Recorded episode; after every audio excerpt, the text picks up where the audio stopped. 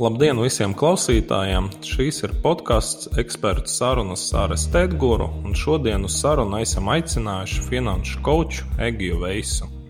Sveiciens visiem! Man prieks būt šeit!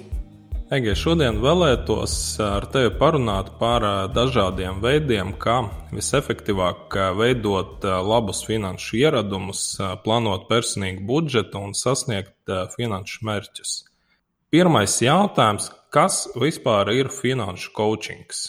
Finanšu coachings ir, ir process, jeb sadarbība, kuras laikā mēs apskatāmies uz cilvēku finanšu situāciju, saprotam, vai nauda tiek tērēta atbilstoši mūsu vērtībām un mērķiem, un vai mēs vispār šīs lietas esam sev nodefinējuši, un saprotam, vai, vai naudai vispār ļaujam strādāt savā labā un kas būtu jādara, lai mēs no savas naudas iegūtu visvairāk. Un finanšu coachingā strādājam ar diezgan plašām tēmām, ļoti daudz par tieši par domāšanu, naudas domāšanu, jeb mindsetu, ar budžetu, kredītu, uzkrājumiem, jeb es palīdzu vispār cilvēkiem saprast, uh, un atrast naudu, ko veltīt kaut kādiem saviem ilgtermiņa mērķiem. Jo bieži vien mums liekas, ka, ka mums, ja es kādam pateiktu, atliec 100 eiro savam drošības pilvenam mēnesī, tad bieži vien cilvēki kā, bet man taču nav tāda lieka nauda, es visu iztērēju. Un tad es nāku palīdzīgā saprast, kā tad īstenībā, kur ir tās plaisas, kur, kur mēs drusku pārkārtojot savus ieradumus vai uzstādot kaut kādus mērķus, varam atrast šo naudu. Un, jā, tā par coachingu. Cik attīstīta šī nozare ir Latvijā? Es teiktu, ka tā ir vēl pašos savos pirmsākumos, jo finanšu coachingu es apguvu ASV programmā, kur tā ir attiecīgi ASV tā ir diezgan izplatīta un pat labi saprotama profesija. Uh, Mums vēl savukārt vēl ir jāpārkāp pāri tai nedrošībai par šīm lietām runāt un iedziļināties šajos jautājumos un, uh, un apzināties uh, to savu nākotni, ja to neplānosim paši. Un kā tad izskatīsies mūsu dzīve pēc 30 gadiem, ja šodien iztērēsim visu, kas mums ir. Tā kā tas vēl ir kaut kas tāds, kas mums kā kā valstī vai cilvēkiem, kas šeit dzīvo, ir jāsaprot, ka mazāk paļauties uz, uz veiksmi, mazāk paļauties uz kaut kādām sociālām garantijām, bet pašiem domāt par to savu nākotni un nebaidīties to darīt. Kādas tad ir tas biežāk pieļautas kļūdas personīgi finanšu plānošanā un budžeta veidošanā?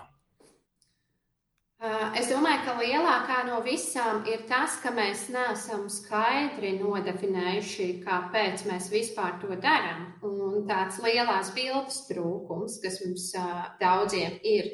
Jo, ja budžetu, piemēram, mēs esam uztaisījuši tikai tāpēc, ka tā dara draugi, vai budžets ir, ir tāda pieaugušo lieta, uh, un tas būtu tas, kas mums būtu jādara, tad, tad tas visdrīzāk nebūs uz ilgu. Jo budžets ir nekas bez kaut kāda skaidra, specifiska un nozīmīga mērķa. Mums ir jāsaprot, kāpēc mēs to darām un ko mēs no tā īsti iegūsim. Tad, tad otra lieta noteikti ir tas, ka mēs, ka mēs nedodam laiku, lai lai tā sistēma vai tas budžets, ko mēs izmantojam, lai viņš varētu iestrādāties un sākt, sākt kārtīgi mums palīdzēt. Jo, ja, jo, ja mēs uh, ierakstam Google meklētājā vārdu budžets, tad mēs iegūstam tik ārkārtīgi daudz informācijas gan par to, uh, kas vispār ir budžets, kāda, kāda, cik daudz templēti ir, cik daudz ir aplikācijas, cik daudz ir viedokļi un kaut kādas sistēmas un rule of thumbs un tā tālāk. Un es pilnīgi varu saprast, ka cilvēks visu šo redzot var, var apjukt. Un tāpēc mums ir jāmēģina viena lieta, ja tā nesanāk, tad mums vajag izanalizēt, kas tad ir tas, kas tur nestrādāja, kas man personīgi nepatīk. Un ar to ir jārēķinās, ka tas tā būs, jo tā, ar pirmo reizi ļoti reti kādam izdodas atrast, atrast ideālu, kas strādā un kur nav jāveic korekcijas. Ar to ir jārēķinās, un, un tas viss pilnīgi noteikti ir pārvarams tādu lielāku mērķu labā. Tas tieši tāpat kā ar ieradumu izveidi. Mums ir jāsāk un jādod tam laiks, un tieši tāpat ir arī ar budžetu. Un, un tad tā trešā lieta, ko es noteikti gribētu pieminēt, ir, ir tas uzskats, ka problēma ir nevis mūsu izdevumos, bet gan ienākumos. Ja es ļoti bieži cilvēkiem pajautāju, kā tev liekas, kas tev būtu vajadzīgs, lai, lai tu varētu savas finanses sakārtot, tad bieži vien tā atbilde ir pārsvarā saistīta ar ienākumiem. Ja tad, kad es pelnīšu vairāk, ja man vairāk paliktu pēc maniem izdevumiem, bet man izdevumi ir tik lieli, bet galvenais uzsvers uz to, ka ja būtu vairāk naudas, un tas ir pilnībā mūsu, mūsu rokās, Un uh, vairāk mums ir jāpaļaujas uz, uh, uz sevi šajā ziņā. Sanāk, ka galvenais uzsvars ir, ka rītdien vienkārši būs labāk. Jā, jā. Kaut kāda, kaut kāda ār, ārējo apstākļu dēļ rītdien kļūs labāk. Bet uh, da, sanāk, ka tā ir tāda veida kā uh, pamat, ekonomiska pamata izglītība. Jā, droši vien tā varētu teikt. Varbūt jautājums tāds, no kādām saistībām jāizvairās, vai, teiksim, kredītu, ja ir paņemts, jāatdzēš ātrāk, un kādu kredītu vai aizdevumu varētu būt finansiāli pamatot, kas nav finansiāli pamatoti. Nu, jāizvairās un jāatdzēš noteikti ir lielo procentu kredīti, kuriem tās procentu likmes visbiežāk ir lielākas par 5%. Bet ar kredītiem ir jāsaprot sekojoša lieta, ka mēs te vienmēr varam runāt tikai un vienīgi par procentu likmi. Ļoti bieži tas arī ir tas, ko mēs finanšu coachingā darām. Mēs arī apskatāmies uz to, cik emocionāli grūti ir šo kredītu cilvēkam sagremot. Respektīvi, ja, viņ, ja viņš dēļ tā kredītā nevar gulēt un, un tas viņam rada reālu stresu ikdienā un ietekmē lēmumus, ko viņš savā dzīvē pieņem, piemēram, par darba maiņu, laiku ar ģimeni un tā tālāk, tad, tad tur noteikti var skatīties, vai arī tie 5% ir ok. Tāpēc tas būs diezgan individuāli.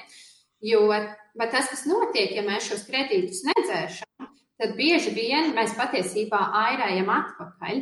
Īpaši gadījumā, ja cilvēks vēl tajā pašā laikā, kamēr viņam ir kredīti lielāki par 5% likmi, ja viņš tajā pašā laikā maksā, piemēram, trešajā pensiju līmenī vai taisa uzkrājumu bērnam un tā tālāk, tad patiesībā tas viss ir ar ļoti mazu vērtību. Un, ja mēs saliktu matemātiski plusus, mīnus, tad īstenībā mēs būtu beigās mīnusos, jo tos procentus, ko mēs samaksājam tajos lielajos, lielo procentu kredītos, tas noēd visu mūsu iespējamo peļņu visās tajās lietās, ko es minēju, kur mēs atliekam naudu.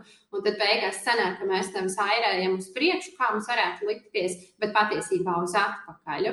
Un, un šīs ir tādas lietas, par ko mēs tā ikdienā nemaz neiedomājamies, ja nesaliekam to visu tādā lielā, lielā katliņā. Un, um, jā, atbildot uz to, kas tad ir pamatoti kredīti, nu, visbiežāk tie droši vien ir uh, runē par hipotekāriem kredītiem. Tad jā, mēs pievirzamies pie nekustamajiem īpašumiem. Kāds ir tavs viedoklis, pirkt vai īrēt? Šis ir ļoti labs un arī plašs jautājums, par kuru es šobrīd gatavoju pat veselu meistarklasi. Jo, diemžēl, šo jautājumu nav tāda viena ātra un, uh, un skaidra atbilde, jo katrai no šīm opcijām patiesībā ir spēcīgi plusi un arī mīnusi. Jo jāatcerās, ka, liela, ka lai arī lielā mērā tas ir finansiāls lēmums, Tomēr tur ir arī jāņem vērā emocionālie faktori, dzīves vieta vai dzīvesveids, ģimenes stāvoklis, darba stabilitāte un tā tālāk. Tomēr tie galvenie plusi, kas ir mājokļu iegādēji, ja, protams, ir, ka ir stabils, stabils ikmēneša maksājums, kurš, kurš visdrīzāk nemainīsies atšķirībā no īres tirgus, kur, uh, kur pēc diviem mēnešiem īpašnieks var pabrīdināt, ka tev pieaugs īres, īres maksājums par 100 eiro, kas ir ļoti plaši izplatīts scenārijs, ar ko ir jārēķinās. Bet tā, tas otrs lielais pluss mājokļu iegādēji, protams, ir tas, ka tev kaut kas pieder. Tev pieder reāli īpašums, uz kura kredīta maksājumu man ļoti patīk skatīties kā piespiedu uzkrājumu savai nākotnē. Jo Tomēr pats svarīgākais pērkot mājokli ir saprast, nevis skatīties tikai uz šo kredīta maksājumu, salīdzinot ar īres maksu, bet ņemt vērā arī ar mājokli visus saistītos izdevumus, kas patiesībā ir diezgan liela sadaļa. Uh, tas var būt mājokļa iegādes izmaksas, tātad tā, tā dokumentu noformēšanas, reģistrācijas zemesgrāmatā un tā tālāk. Bet otra svarīga sadaļa ir, ka bieži vien pērkot mājokli, mūsu izdevumi strauji pieaug, ja automātiski mēs vēlamies palielināt savu dzīves līmeni.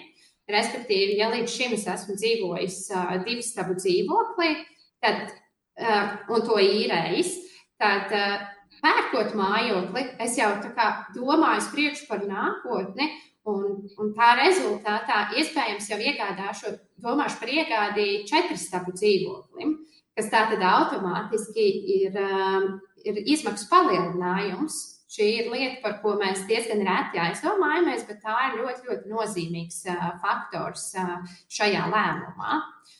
Un, jā, īrēšana savukārt saglabājas vēl aizvien kā labs variants gadījumā, ja par īri mēnesī mēs varam maksāt ievērojami mazāk nekā par mājokļa kredītu un visām tām saistītajām izmaksām, kuras noteikti mums ir jāaprēķina.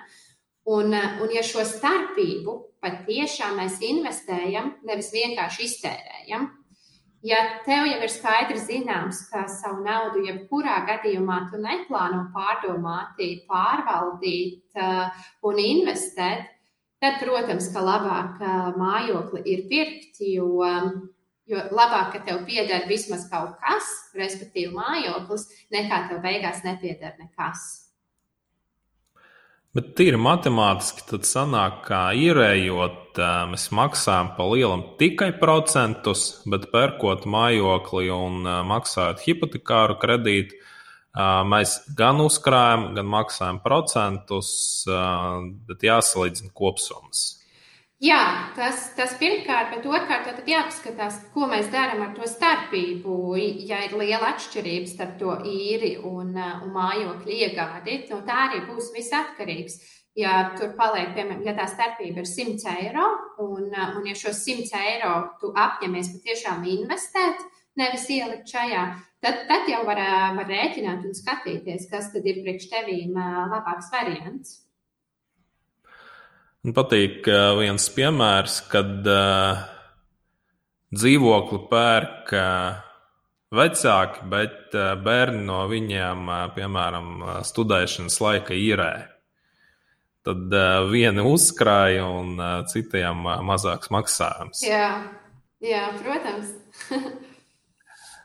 Kāda, tavuprāt, un no pieredzes būtu perfekta izdevuma plānošanas formula? Patiesībā man īsti negribētos nosaukt kaut kādu konkrētu formulu, jo tā katram būs patiešām individuāla. Un negribētos, lai, ja es, piemēram, tagad pateiktu, ka jums ir jāatliek 30% no saviem ienākumiem, ja jūs gribat kaut, kaut kur nonākt nākotnē, Tad kāds šo dzirdot, varbūt uz to ieciklētos, neizprotot to lielo bildi.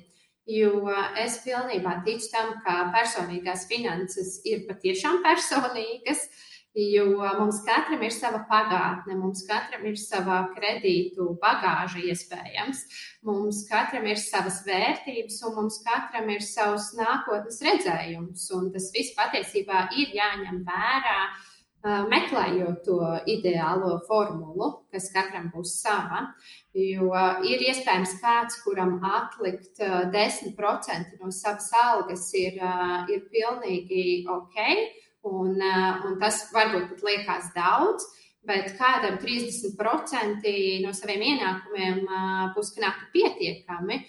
Tā kā tur pats galvenais ir, ir nevis konkrēta formula, bet vienkārši tāda konsekventa darbība Un tā izpratnē par to, kā tad uh, izskatīsies mana nākotne, ja es tajā atlikšu 10% vai es tajā atlikšu 30%.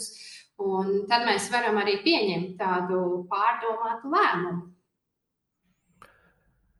Bet kas ir svarīgi, ka tomēr tas procents, cik jāuzkrāj, var mainīties, bet galvenais, ka uzkrāt vajag. Un, uh, Un jo agrāk, jo, agrāk, jo labāk. Jo, diemžēl dzird no ļoti daudziem cilvēkiem, ka neuzkrāja vispār un ka nedomā, ka tas ir svarīgi. Jā, nu tā, diemžēl, ir tā skaudrā realitāte. Tas ir tas, par ko jau es teicu sākumā, ka, diemžēl, mēs ļoti reti redzam to lielo bildi un iedziļinamies, ko tās mūsu darbības šodien kādu iespēju tās atstās uh, pēc 10, 20 un 30 gadiem. Un, protams, ka man ir ļoti žēl to redzēt, un tas arī ir tas mans galvenais uzdevums, ko es cenšos panākt. Kā tavuprāt, vislabāk tad uzsākt veidot uzkrājumus uh, un kādā veidā? Jā, kā jau, kā jau tu arī teici, cilvēki pārsvarā to uzkrājumu un ieguldījumu veidošanu redz kā tādu uh, naudas atdošanu un, uh, un pazaudēšanu šodien. Un, uh, tāpēc tas pirmais, ko, kas ir vajadzīgs, ir tā, tās domāšanas izmaiņas. Un, uh, man ļoti patīk piemērs, ko es bieži minu par to, ka, ka uz tām investīcijām un uzkrājumiem vajadzētu skatīties nevis tā, ka, ka es kādam kaut ko atdodu un nezinu, vai vispār kādreiz dabūšu atpakaļ, kas ir ļoti izplatīts mīts patiesībā. Uh, bet, bet uzskatīt, ka sev dāvini dāvanu savam nākotnes es, dāvinot mieru, skaidrību un noteiktu labklājību. Tas ir kaut kas, kas ir drusku vienkārši jāpamaina tā domāšana un, un arī vienkārši jāredz cipari, kā tas izskatīsies. Tas arī ir tas, ko mēs finanšu coachingā uzreiz apskatāmies. Tātad, ir ļoti skaidrs, ja tu atliksi šos 100 eiro tagad, tad kā izskatīsies tie pēc 20 eiro tev dzīve un kā, kas būs, ja to nedarīsi. Jo tad, tas, kas ir svarīgi, uzsākot to uzkrājumu veidošanu un, un ieguldījumus, svarīgi ir sakārtot pašus tos pamatus, lai to droši varētu darīt un, un lai nebūtu par to bažas, ka, ka ja nu man to naudu, ja, ja nu man to naudu vajag, vai, vai es to vispār dabūšu, un šāda veida mīti. Tāpēc tas, ko vajag, ir noteikti izveidot drošības pilvenu. Nepieciešams atbrīvoties no šiem lielo procentu kredītiem, par ko es stāstīju, tā lai nenotiek tā airēšanās atpakaļ. Un ļoti svarīgi ir būt arī ar, ar savu partneri uz viena viļņa šajos uzkrājumu un, un ieguldījumu jautājumos.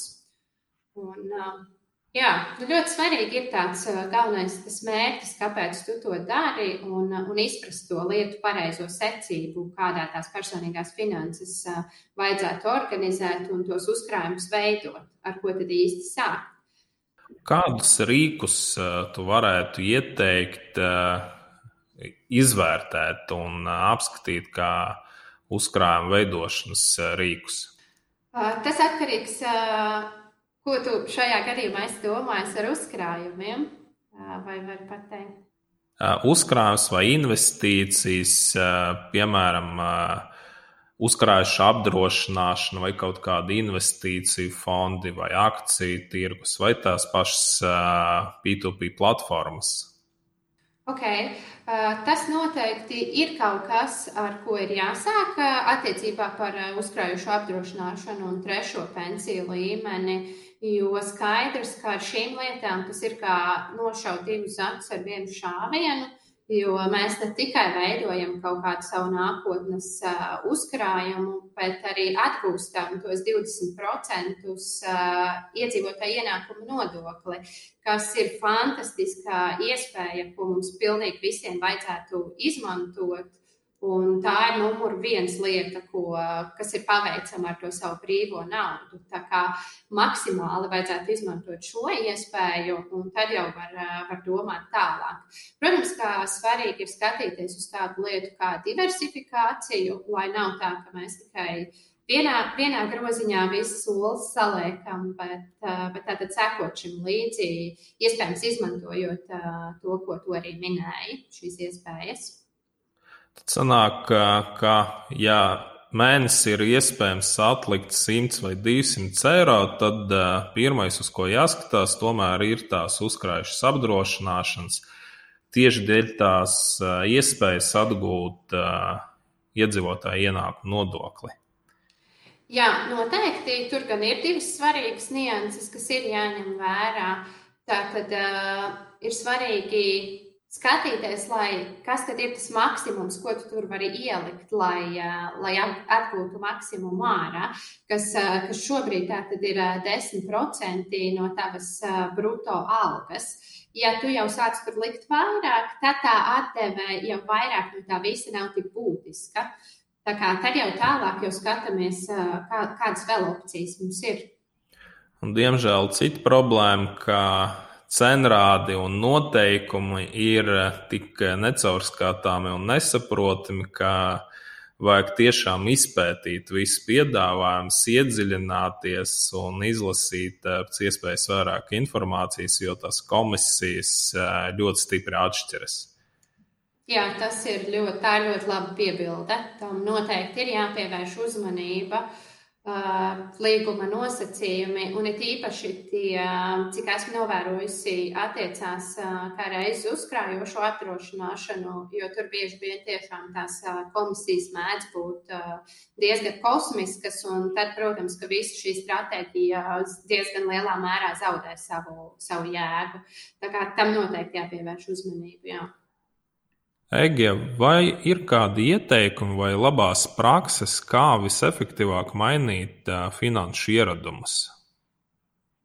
Tas, kas ļoti palīdz, noteikti ir tā finanšu salikšana vispār uz papīra, lai mēs saprastu, cik īsti mēs tērējam un, un cik tad mums aiziet ēšanā, cik mums izmaksā automašīna mēnesī un tā tālāk. Un, kad ieraugam šos ciparus uz papīra, tajā brīdī jau vien tas ir pirmais tāds signāls, kad, kad cilvēks sāk pie tā piedomāt un, un pievērst uzmanību, kas tad ir tie ieradumi, kam, kam vajadzētu, ko vajadzētu pamainīt vai ieviest. Jo tad arī tad tas visefektīvākais ir kaut kādi konkrēti mērķi, uh, kāpēc mēs gribam, gribam mainīt tos ieradumus, un tad jau viss aiziet tā veiksmīgāk. Man ļoti patīk, un redzu, ka arī cilvēkiem ļoti tas palīdz izmantot kaut kādus vizuālos rīkus. Tas, ir, tas ļoti labi palīdz sekot tādam lielākai ieraduma veidošanai, It īpaši kaut kādām lietām, kas mums nav, kas mums liekas diezgan tālas, piemēram, tas pats uzkrājums vai, vai investīcija portfeļa veidošana.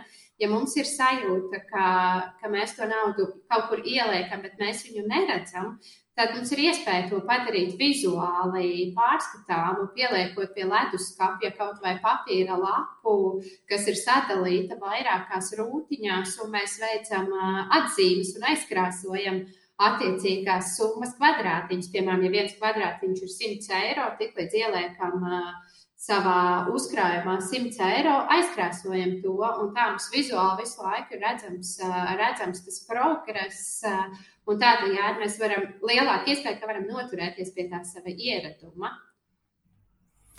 Lai redzam, cik eh, zem spilvena mums ir sakrājies.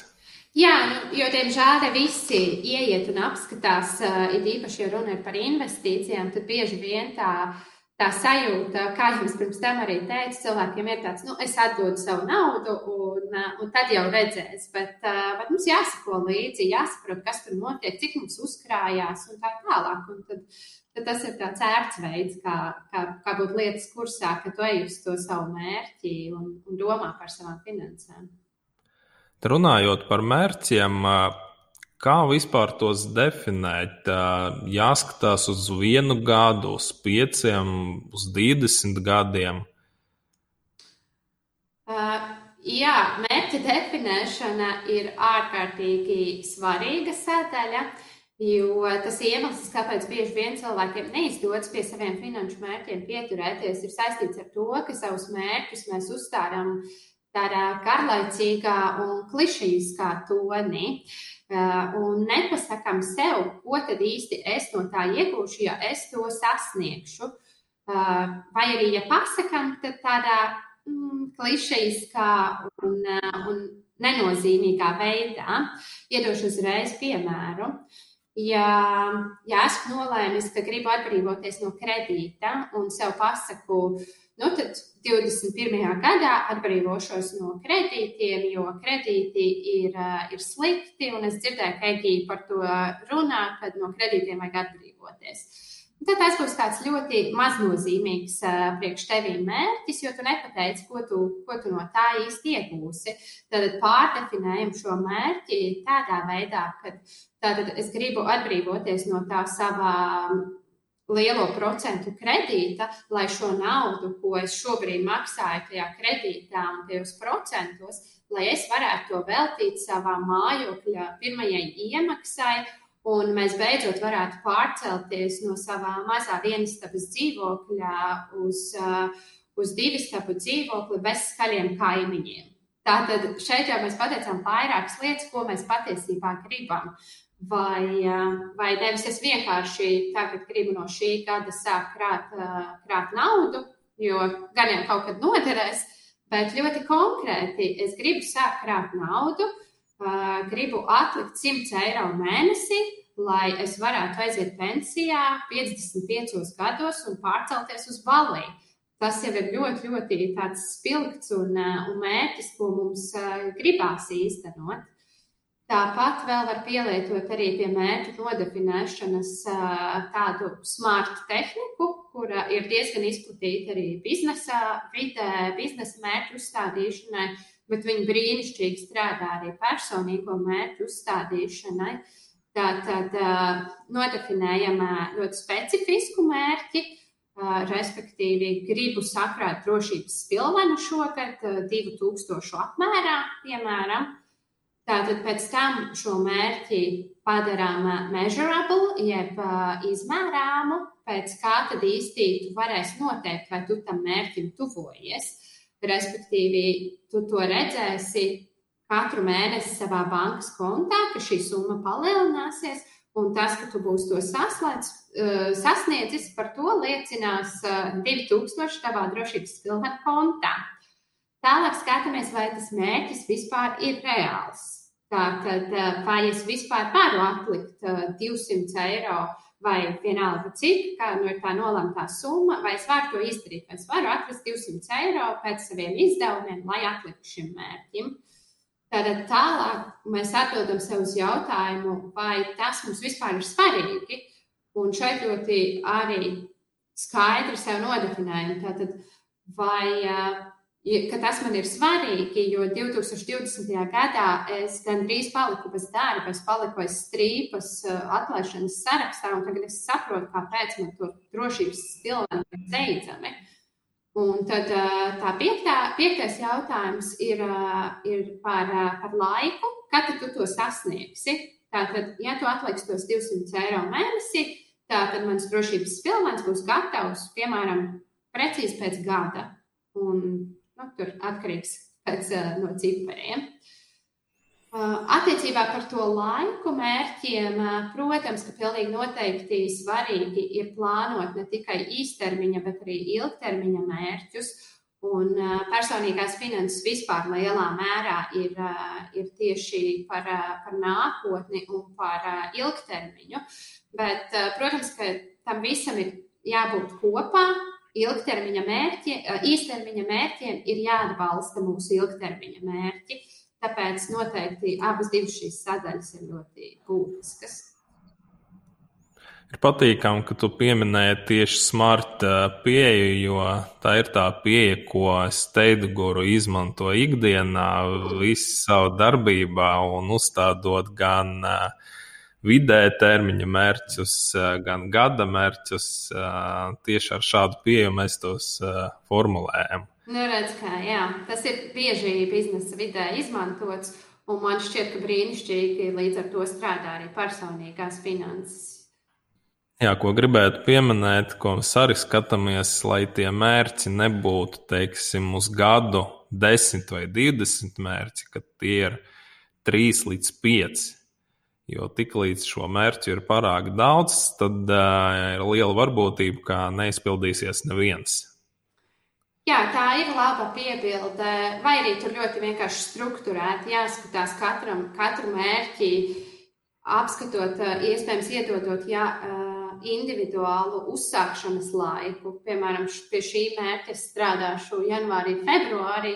Pie šī es vispār, tas ir mans mērķis, bet pie tās ķeršos tikai maijā. Nu, tā, sev, sev neuzkraujot, protams, pārāk daudz uzreiz pirmajā dienā. 1. janvārī, piemēram. 1. janvārī, jā, viss vis to sāk darīt 1. janvārī. Labi, tad varbūt vēl sarunas beigās es gribētu tev paprasīt, kā saņemt tieši tādu konsultāciju, kā tas process notiek? Tātad es piedāvāju finanšu coachingu viens pret viens, kas nozīmē, ka strādājam pārsvarā un individuāli, kur šī nav tāda teorētiska, teorētiska konsultācija. Mēs patiešām ļoti praktiski skatāmies konkrēti uz cilvēka cipariem. Jo, kā jau minēju iepriekš, personīgās finanses patiešām ir personīgas. Un, ja es kādam pateikšu, jums jebkurā gadījumā vajag drošības spilvenu 3000, Tad cilvēks noplatīs rokas, jā, labi. Un, jo mums ļoti apkārt ir daudz teorijas grāmatas, personīgo finanšu grāmatas un, un semināri un kursi un viss kaut kas. Bet tā problēma ir to, ka cilvēks nespēja to projicēt uz savu situāciju. Un tas ir tas brīdis, kad, kad pieslēdzos es un apskatoties no malas, apskatoties to lielo bildi, tad varu arī palīdzēt. Jā. Ļoti labi. Tad eh, varbūt apkopot mūsu šodienas sarunu, varētu teikt, ka galvenais ir eh, jāuzstāda sev mērķus, lai katrai darbībai būtu pamatojums. Eh, pēc iespējas jāizvairās no ļoti liela procentu kredītiem, vajag uzkrāt un noteikti jāizglītojas tieši finanšu jomā visiem, ne tikai tiem cilvēkiem, kas strādā finansēs. Jā, noteikti. Es vēl, vēl noslēgumā arī gribu pateikt to, ka, ka drusku mums ir nepieciešams pamainīt to savu domāšanu, un personīgās finanses nav tikai par pensiju vai tikai par cipariem bet patiesībā tas ir par dzīves kvalitāti kopumā. Jo mēs varam dzīvot uh, dzīvi tādu, kā gribam, vienlaicīgi rūpējoties uh, arī par savu nākotni. Jo tā iekšējā pārliecība un drošība, ko mums rada finanšu sakārtošana, atstāja ļoti būtisku iespaidu gan uz mūsu karjerām, gan veselību, uh, emocijām, attiecībām ar kolēģiem, attiecībām ģimenē un tā tālāk. Jo, ja mums ir nedrošība par naudu, tad tā nedrošība noteikti izpaužās arī, arī citās dzīves sfērās. Tāpēc jā, esmu pārliecināta, ka, ka labu sajūtu par naudu mēs varam rast tad, kad, tad, kad mēs to kontrolējam. Paldies tev par sarunu! Bija ļoti interesanti un visu labu! Paldies! Atā.